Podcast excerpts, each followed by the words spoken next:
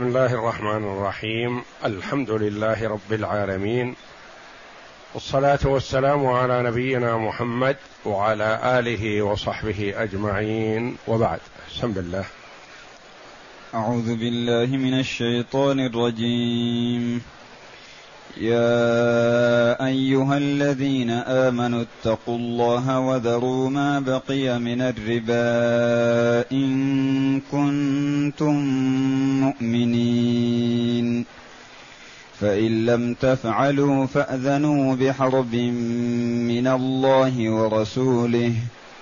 وان تبتم فلكم رؤوس اموالكم لا تظلمون ولا تظلمون هاتان الآيتان الكريمتان من سورة البقرة. جاءتا بعد قوله جل وعلا يمحق الله الربا ويربي الصدقات والله لا يحب كل كفار أثيم.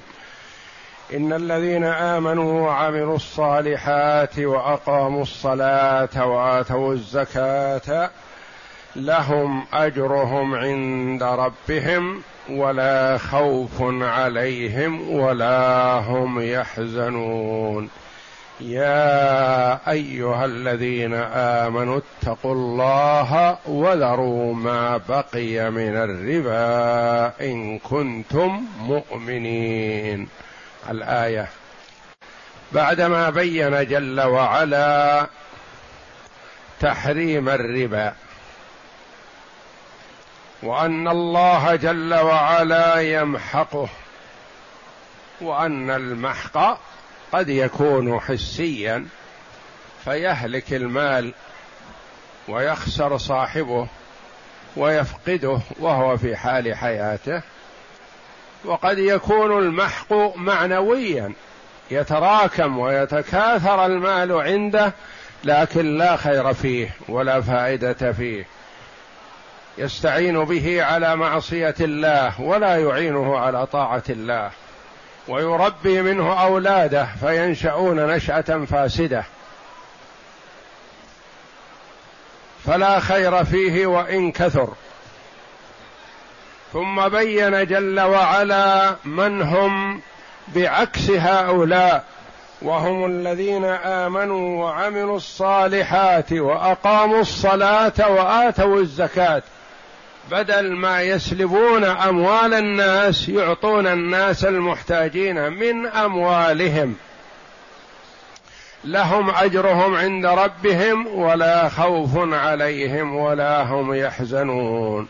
ثم خاطب عباده بقوله يا أيها الذين آمنوا. هذا خطاب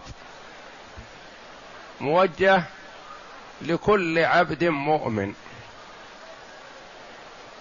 يقول عبد الله بن مسعود رضي الله عنه إذا سمعت الله يقول يا أيها الذين آمنوا فأرعها سمعك فإنه إما خير تؤمر به أو شر تنهى عنه.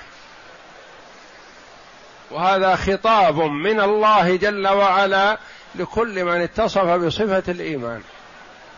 يا أيها الذين آمنوا ولم يقل جل وعلا يا أيها الناس مناديا لهم بأحب الأوصاف وأكملها وأجملها. يا أيها الذين آمنوا اتصفوا بصفة الإيمان.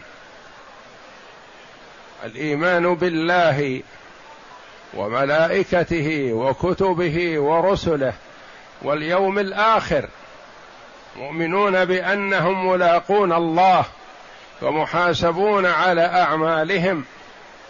يا أيها الذين آمنوا اتقوا الله. تقوى الله جل وعلا وصيته للأولين والآخرين من خلقه. يا أيها الذين آمنوا اتقوا الله. كثير من آيات القرآن الأمر بتقوى الله جل وعلا. وقد يأمر جل وعلا بالتقوى في الآية الواحدة بمرتين أو أكثر.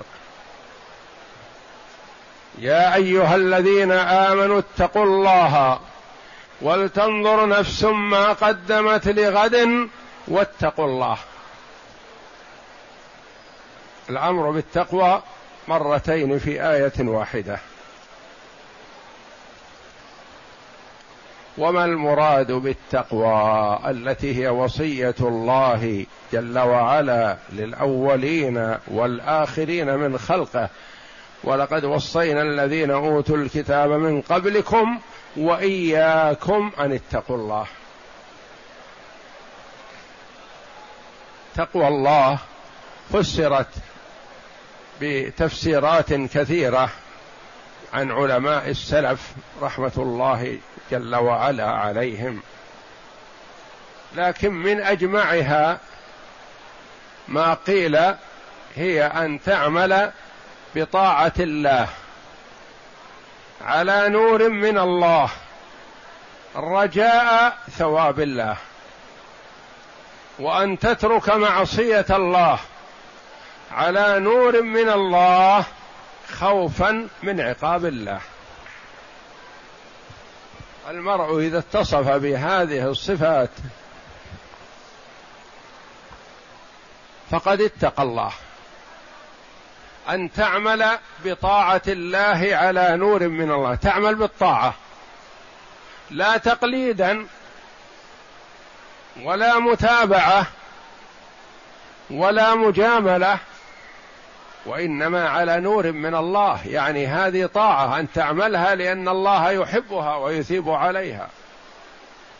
رجاء ثواب الله يعني تعمل ترجو الثواب. تؤدي هذا العمل رجاء الثواب. وأن تترك معصية الله. تترك المعصية لا حياء من الناس ولا خوفا من الولاية وإنما على نور من الله لأنها معصية. تتركها لأن الله يبغضها. على نور من الله خوفا من عقاب الله. تعرف أن من وقع في المعصية أن الله جل وعلا يعاقبه إن لم يعف عنه. فهو معرض للعقاب. فأنت تتركها خوفا من الله جل وعلا.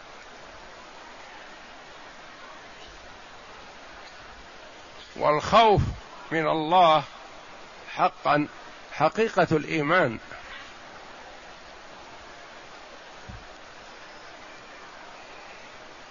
يا أيها الذين آمنوا اتقوا الله وذروا ما بقي من الربا. ذروا بمعنى اتركوا. لا تأخذوه ولا تقبضوه. وذروا ما بقي من الربا إن كنتم مؤمنين. قال المفسرون رحمهم الله إذا تاب العبد من الربا ترك المال الربوي ترك الزايد وله رأس ماله كما سيأتي. وسكت ربنا جل وعلا عما دخل على الإنسان من ربا. ما أمره بإعادته أو صرفه وإنما قال وذروا ما بقي من الربا. اترك الربا الذي في ذمم الناس. والتوبة تجب ما كان قبلها. فإذا كان للإنسان الإنسان مثلا راب عن جهل أو عن علم. ثم من الله عليه بالعلم إذا كان عن جهل أو من الله عليه بالتوبة إن كان راب عن علم وتاب إلى الله فنقول يترك الفوائد الربوية التي يستحقها على الشخص هذا الفقير المسكين مثلا يتركها ويأخذ رأس ماله. ما قبضه من فوائد ربوية هذه سكت الله عنها. وما أمره بردها وإنما أمره جل وعلا أن يترك ما بقي. والنبي صلى الله عليه وسلم وضع الربا الذي باقي في ذمم الناس. ولم يأمر المرابين في الجاهلية أو في صدر الإسلام ما أمرهم برد ما أخذوه وإنما أمرهم بترك ما بقي لهم من الربا. وربا الجاهلية موضوع يقول عليه الصلاة والسلام وهو بباب الكعبة يخطب الناس وأول ربا أضع من ربانا ربا العباس بن عبد المطلب أو في حجة الوداع. أول ربا أضع ربانا ربا العباس بن عبد المطلب.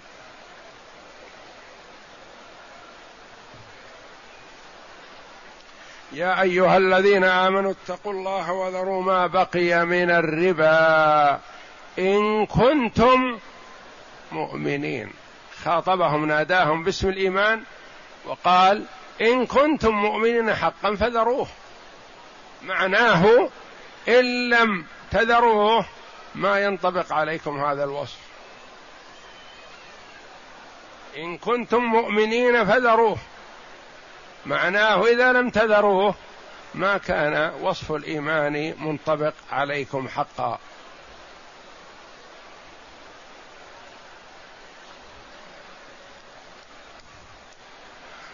والمرابي لا يخلو.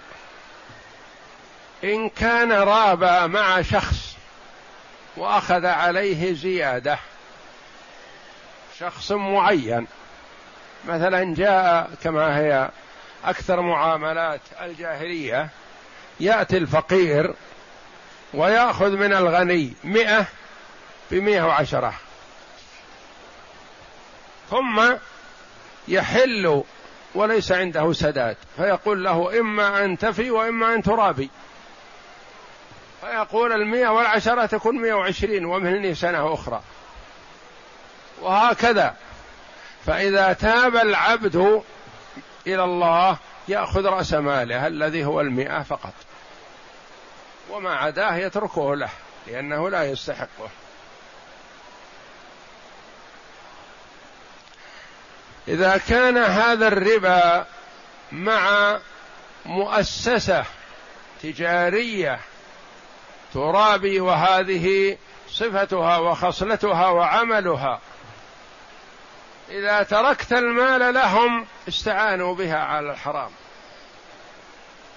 أو إذا كانت بعض البنوك غير المسلمة تبعث هذا المال الذي تركته أنت إلى من يحارب الإسلام والمسلمين.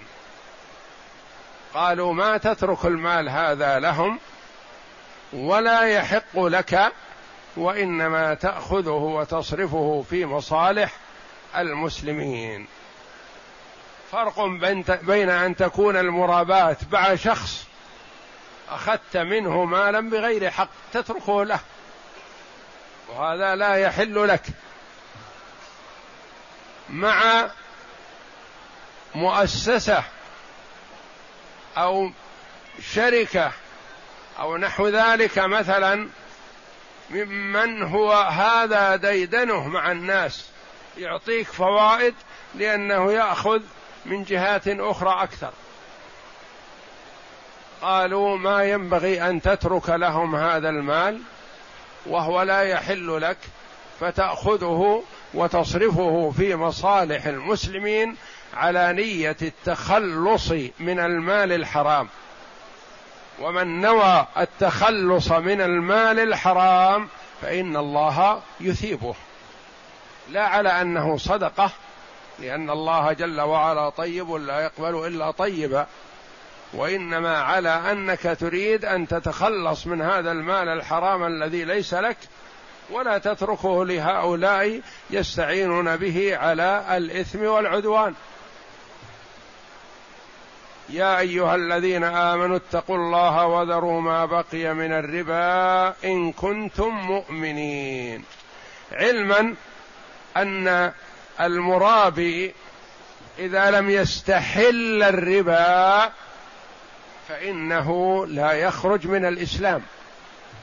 يعتبر صاحب كبيرة من كبائر الذنوب ومن أصول أهل السنة والجماعة أنهم لا يكفرون المسلم بالذنب وإن عظم ما دام دون الشرك ما لم يستحله فإذا استحله فإنه كافر.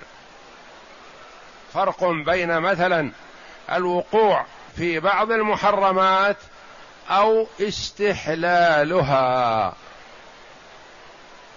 شخص يقول الربا حلال. وأنا ما أرابي يقول. يقول عن نفسه أنا لا أرابي ولا أتعامل بالربا لكنه حلال. لا بأس به مثل البيع. هذا كفر والعياذ بالله. لأنه أنكر ما هو مجمع على تحريمه. لكن شخص يرابي ويقول هذا إثم محرم. لكن أرجو الله أن يتوب علي. أرجو الله أن يمن علي بالهداية. كذا من من نوع هذا الكلام مثلا. هو يعرف أنه ليس بحلال ويقول ما هو حلال لكن أنا مبتلى بهذا الشيء وهذه شغلتي. وما أصبر عن هذا الشيء. فهذا ليس بكفر. وإنما هو فسق. وليس بكفر لأن المسلم ما يكفر إذا اقترف كبيرة من كبائر الذنوب وإنما يكون فاسقا. وقس على هذا كل الكبائر. مثلا شخص يقول أنا لا أشرب الخمر ولا أستسيغها ما تناسب لي. ولا يليق من مثلي أن يشرب الخمر مثلا. لكنها حلال ما فيها فرق بين الخمر والشاهي. هذا كفر. لأنه أنكر تحريم ما هو مجمع على تحريمه. شخص آخر يشرب الخمر ويقول أنا مبتلى أنا تعودت على هذا من الصغر وأرجو الله يمن علي بالتوبة. أنا ما أصبر عن هذا الشيء. أنا كذا أنا كذا يعلل لنفسه ويقول عسى الله أن يمن علي بالتوبة.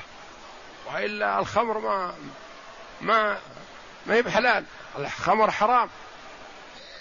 هذا ليس بكفر. لو شرب الخمر وهو يعتقد هذا فما يقال عنه كافر وإنما يقال عنه فاسق. وهكذا جميع الكبائر من استحل كبيرة من كبائر الذنوب المجمع على تحريمها كفر والعياذ بالله وإن لم يفعلها. ومن فعل كبيرة من كبائر الذنوب ولم يستحلها فإنه يكون مسلم لكنه فاسق ويخشى عليه من سوء الخاتمة والعياذ بالله. يا أيها الذين آمنوا اتقوا الله وذروا ما بقي من الربا إن كنتم مؤمنين. إن كنتم مؤمنين فذروا ما بقي من الربا لا تأخذوه. فإن لم تفعلوا لم تتركوا الربا بعد هذه الموعظة وبعد هذا البيان الذين يأكلون الربا لا يقومون إلا كما يقوم الذي يتخبطه الشيطان من المس. ذلك بأنهم قالوا إنما البيع مثل الربا وأحل الله البيع وحرم الربا. فمن جاءه موعظة من ربه فانتهى فله ما سلف وأمره إلى الله ومن عاد فأولئك أصحاب النار هم فيها خالدون. يمحق الله الربا ويربي الصدقات والله لا يحب كل كفار أثيم. يا أيها الذين آمنوا اتقوا الله وذروا ما بقي من الربا إن كنتم مؤمنين. آيات الربا جمعها الله جل وعلا في آخر سورة البقرة. هذه الآيات مع بعضها. فإن لم تفعلوا فأذنوا بحرب من الله ورسوله. فإن لم تفعلوا يعني جاءه الموعظة من الله جل وعلا ولم يتعظ. ماذا يقال لمثل هذا؟ فإن لم تفعلوا فأذنوا بحرب من الله ورسوله. فآذنوا أو فأذنوا بحرب من الله ورسوله. اعلموا أو أخبروا من حولكم بأنكم محاربون لله ولرسوله. وجاء عن ابن عباس رضي الله عنهما حبر هذه الأمة وترجمان القرآن أنه قال يقال لصاحب الربا يوم القيامة خذ سلاحك وابرز للمحاربة. من يحارب؟ الله ورسوله. ولا طاقة لمخلوق في محاربة الله جل وعلا. فإن لم تفعلوا فأذنوا أو فآذنوا بحرب من الله ورسوله. اعلموا أو أخبروا غيركم أو استعدوا بأنكم محاربون لله ورسوله. ثم إن الله جل وعلا جواد كريم رؤوف بعباده يتحبب إليهم بالنعم ويناديهم بالتوبة أخبرهم بأنهم محاربون لله ورسوله. وهذا الخبر خبر مفضع ومخوف لمن في قلبه أدنى مثقال ذرة من إيمان. يقول لا طاقة لي بمحاربة الله ورسوله. قال الله جل وعلا فإن تبتم فلكم رؤوس أموالكم. لما أعلن الحرب على هؤلاء منهم من سيرعوي.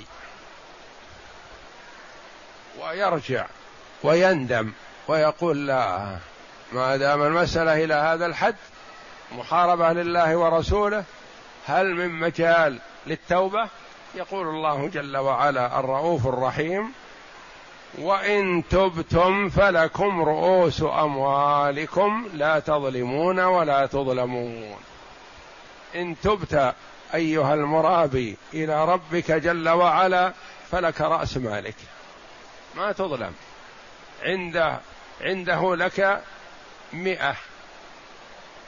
أضيف إليها أرباح ربوية صارت إلى مئة وعشرين. تأخذ رأس مالك. لا تظلم بأخذ الزيادة. ولا تظلم أنت بأن يبخس حقك أو يماطل في حقك بل يرد إليك كما هو. وإن تبتم فلكم رؤوس أموالكم. رأس المال الذي دفعته إليه.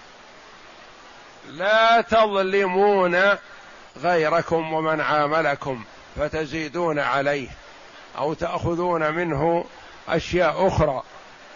ولا تظلمون أنتم بتأخير السداد والمماطلة أو حذف شيء من رأس المال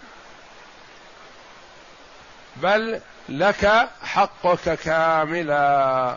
بدون زيادة ولا نقص. لا تظلمون ولا تظلمون.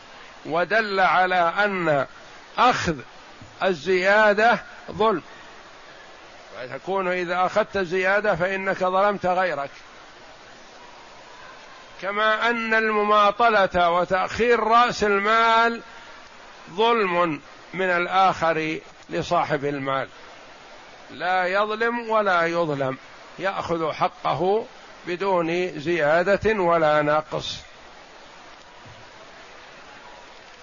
والله جل وعلا يتحبب إلى عباده ويعرض عليهم التوبة. فمن تاب وأناب إلى الله جل وعلا فالله جل وعلا يغفر له ما قد سبق.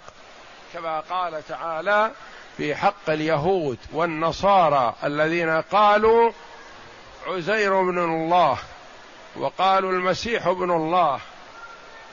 قال جل وعلا أفلا يتوبون إلى الله ويستغفرونه؟ والله غفور رحيم. ينادي عباده بالتوبة ويقول جل وعلا قل يا عبادي الذين أسرفوا على أنفسهم لا تقنطوا من رحمة الله.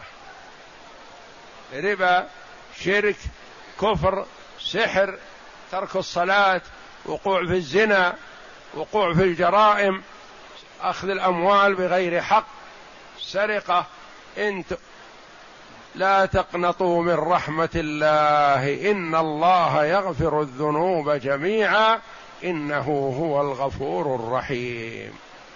وهو جل وعلا يتحبب إلى عباده بأن يعرض عليهم توبته عليهم ومغفرته لما مضى من ذنوبهم فهل من مستجيب لنداء الله؟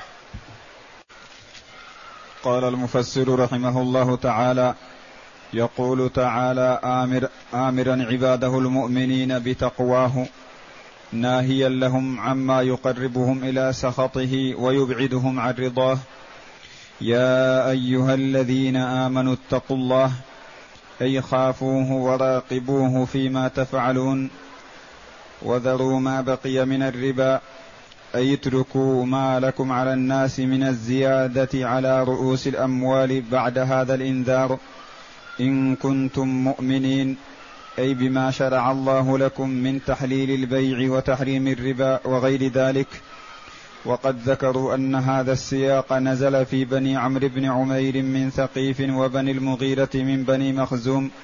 كان بينهم ربا في الجاهلية. فلما جاء الإسلام ودخلوا فيه طلبت ثقيف أن تأخذه منهم فتشاوروا. وقالت بنو المغيرة لا نؤدي الربا في الإسلام بكسب الإسلام. فكتب في ذلك عتاب بن أسيد نائب مكة إلى رسول الله صلى الله عليه وسلم. عتاب بن أسيد رضي الله عنه الذي ولاه النبي صلى الله عليه وسلم إمارة مكة بعد الفتح. وهو الذي حج بالناس في السنة الثامنة. وحج بالناس في السنة التاسعة أبو بكر الصديق. وفي السنة العاشرة من الهجرة حج النبي صلى الله عليه وسلم حجة الوداع. فعتاب بن أسيد كان من أهل مكة ومن مسلمة الفتح.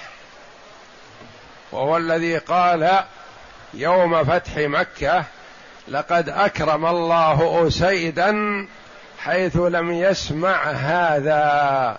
لما سمع أذان بلال رضي الله عنه على سطح الكعبة. وجالس مع أبي سفيان ورجل آخر فيقول عن نفسه يا قبل أن يتمكن الإيمان من قلبه قال لقد أكرم الله أسيدا. يعني حيث توفاه قبل أن يسمع أذان بلال على سطح الكعبة. يعني يرى أنه موت والده قبل أن يسمع هذا كرامة له.